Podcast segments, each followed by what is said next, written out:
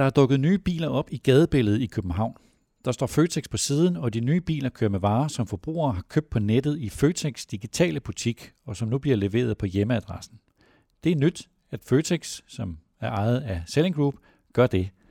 Konkurrenten Coop har gjort det længe, men også kun i Storkøbenhavn og har haft svært ved at tjene penge på det. Men nu sker det altså.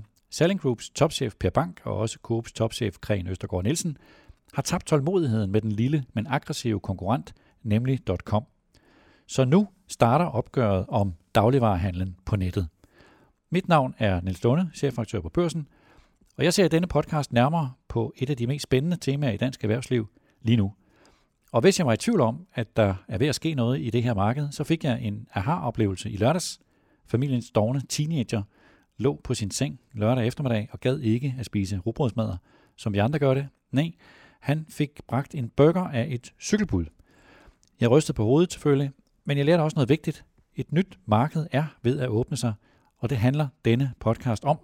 Altså at flere og flere danskere køber dagligvarer på nettet, og at tiden er kommet, hvor de store spillere i markedet ikke længere tør sidde med hænderne i skødet. De to store i den danske dagligvarehandel har haft en afventende holdning til onlinehandel. Indtil nu, mens markedets udfordrer, nemlig .com, har fået lov at vokse. Nemlig.coms administrerende direktør Stefan Plenge har været her, der og alle vegne i medierne og fortalt, at kunderne er strømmet til, fordi coronakrisen har lært dem at købe dagligvarer på nettet. Trods udsigten til et hastigt voksende marked og en meget synlig udfordrer, har Selling Group og Coop indtil nu tøvet med at gå ind i markedet. Selvom flere handler online, så er det dyrt at bringe varerne ud, og nemlig.com har brændt rigtig mange penge af, mens man har opbygget sin logistik. Dertil kommer, at det er vigtigt for Selling Group og Coop, og også for Rema 1000 og Dagrofa og Aldi og hvad de ellers hedder, at kunderne bliver ved med at handle i den fysiske butik. Det er nu engang nemmere at inspirere kunderne til at købe noget ekstra i den fysiske butik, end det er i den digitale butik. Det dilemma har betydet, at de store aktører har været afventende overfor at satse på online, men dog taget forskellige initiativer. Selling Group har blandt andet udviklet Bilkas Click and Collect, hvor kunder handler på nettet og henter varerne selv. Bilka er yderligere på vej med at placere containere rundt i landet, hvor kunderne kan hente deres varer. Netto forsøgte sig med Filop, som ikke lykkedes. Rema 1000 har i flere år haft Vigo, hvor kunder leverer til hinanden. Coop har i flere år været til stede online, men den nye administrerende direktør, Kren Østergaard Nielsen, har erklæret, at Coop skal være langt mere offensiv, end man har været indtil nu. Så det her lange tilløb, hvor de store i dagligvarerbranchen har været enten forsigtige eller i bedste fald eksperimenterende, har åbnet for, at andre og mindre aktører har fået lov til at boldre sig. Først og fremmest nemlig .com jo, men også voldtidskasser som Årstiderne, Simple Feast og Hello Fresh. Voldbude er blevet synlige i bybilledet, og 7-Eleven er på vej med levering i Storkøbenhavn. Så der er et voldsomt opbrud men markedet er stadig præget af, at det er svært at tjene penge. Så hvorfor går Selling Group og Coop ind lige nu? Selvom markedet er lille, så vokser det hurtigt. Dertil kommer, at det er attraktive kunder, der handler online, og hvis man vil skabe loyalitet hos dem, så er det nødvendigt at tilbyde dem at kunne handle online. Hvis ikke man gør det, så risikerer man at blive irrelevant over for en vigtig målgruppe, og selvom coronakrisens hjemmearbejde har lettet hverdagens tidspres i mange familier, så har moderne mennesker travlt. De ønsker bekvemmelighed. McKinsey Company vurderer i en nylig analyse, at lysten til at handle dagligvarer online vil fortsætte med høj vækst efter coronakrisen. Og i lande, der har høje lønninger, ligesom i Danmark, der ser man nye aktører, der viser, at det er muligt at skabe en forretning. Hollandske Picnic er et eksempel. Jeg talte med blandt andet Per Bank, administrerende direktør i Selling Group, og han sagde til mig, at øh, vi vurderer, at tidspunktet er det rigtige for vores kunder, og vi vil fastholde vores totale markedsandel. Citat slut. Jeg talte også med øh, Kren Østergaard Nielsen, der er administrerende direktør i Coop, som sagde til mig, 2020 var et gennembrud. Det er ikke et eksperiment længere. Online er core business nu. Vi ser det som en samlet kundeoplevelse. Citat slut. Og han har også, altså Kren Østergaard Nielsen, internt i Coop, ændret sin organisation, sådan at det nu er en samlet kundeoplevelse, fysiske butikker og den digitale butik. Så Hvordan vil de udnytte de særlige vilkår, som deres forretningsmodel hviler på, sådan at disse kan blive en konkurrencefordel i kampen mod rene online aktører som for eksempel nemlig.com? Det vil de gøre på to måder. Og den første måde, det er, at de vil, altså Selling Group og Coop, de vil forsøge at skabe et samspil mellem den fysiske butik og den digitale butik. Et slags økosystem. Per Bank sagde til mig, citat, vi tror på, at samspillet mellem kanaler online og offline, altså omnichannel, vil være en styrke, som giver vores kunder en større tilknytning og loyalitet til Føtex, og dermed forhåbentlig blive profitabel på lang sigt. Rigtig mange kunder handler efterhånden både online og offline hos de samme brands. Der er for eksempel mange kunder, som tjekker varen og prisen på nettet, før de beslutter sig for, hvad de skal købe. Vi tror på, at samspillet er det, som skaber succesen, sagde Per Bank. Coop eksperimenterer med at give kunderne inspiration og med at hjælpe dem til at planlægge deres indkøb.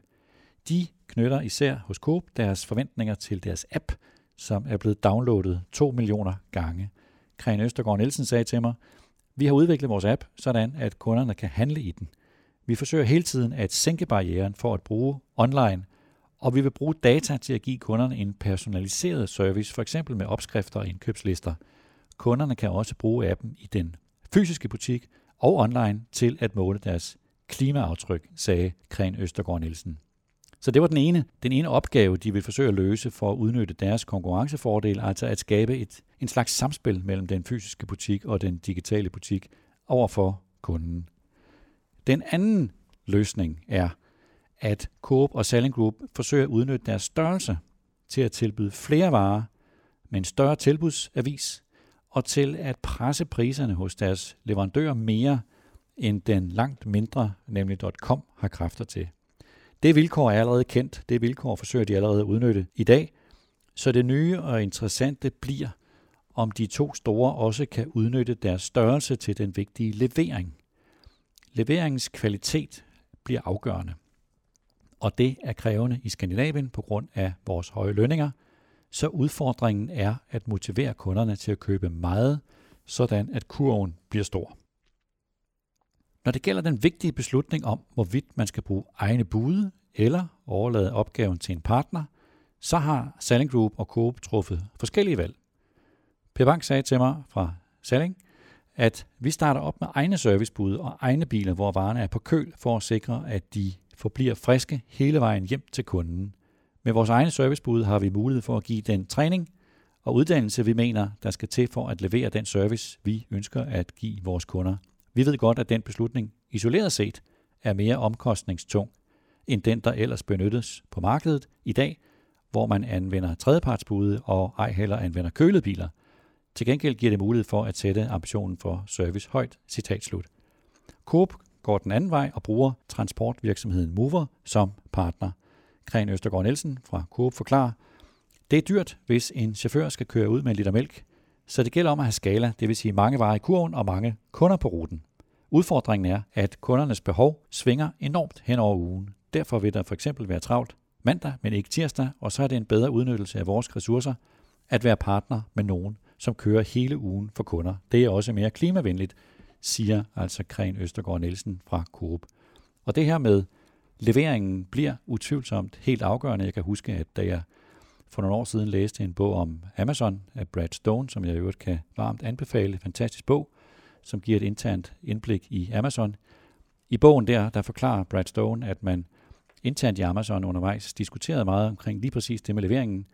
Er leveringen en slags commodity, som man bare kan lade nogle andre tage sig af, eller er det en kernekompetence, som er uhyre vigtig for Amazon? Og hos Amazon, der valgte man så at se på det sådan, at man selv ville stå for det, altså at leveringen skulle være en kernekompetence. Det betyder selvfølgelig ikke, at det er den rigtige beslutning i en dansk dagligvarerhandel, men det viser bare, at selve den diskussion om, hvorvidt leveringen, hvilke forhold man skal have til det, det er en helt afgørende diskussion og udfordring i det øh, spil, som nærmer sig her. Så hos nemlig.com, der kan nu Stefan Plenge se frem til, at rollen som udfordrer vil ændre sig, så nu bliver det ham, der bliver udfordret. Men han tager et roligt, siger han. Han sagde til mig, da jeg talte med ham, vi har få store logistikcentre, som gør vores logistik effektiv og som sikrer, at vi har et madspil på omkring 0,6 procent mod et fysisk supermarked, som har et madspil på 2-3 procent af omsætningen, hvilket er vigtigt i en tid, hvor forbrugerne er meget optaget af bæredygtighed. Citat slut. Steffen Plenger er ikke overrasket, siger han over, at Coop og Selling Group vil forsøge at skabe synergi mellem sine fysiske butikker og online. Han siger, citat, deres forretningsmodel er bygget på fysiske butikker, og de er nødt til at blive i den forretningsmodel, som de har. De har formentlig ikke andet valg, og han ser det derfor som sin styrke i sin enkle forretningsmodel. Han siger, Stefan Plenge, citat, de har selvfølgelig mulighed for at opnå en indkøbspris, som er lavere end vores, men hvis man ser på den samlede logistik, så har vi færre led i vores kæde, især fordi vi ikke skal plukke varer i fysiske butikker, men kun i vores lager. Vi har et led mindre i vores logistik. Vi skal ikke først sætte varer op i fysiske butikker og derefter tage dem ned igen.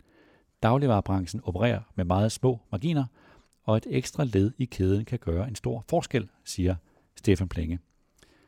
Det er svært at vurdere, hvordan det her vil udvikle sig. Jeg må indrømme, at da jeg skrev om det her i børsen, så havde jeg lidt svært ved at finde eksperter eller uafhængige jagttager, som kunne hjælpe mig med at finde ud af, hvor går det her egentlig hen, og hvem kan man ligesom sige bliver vinder og taber i det her.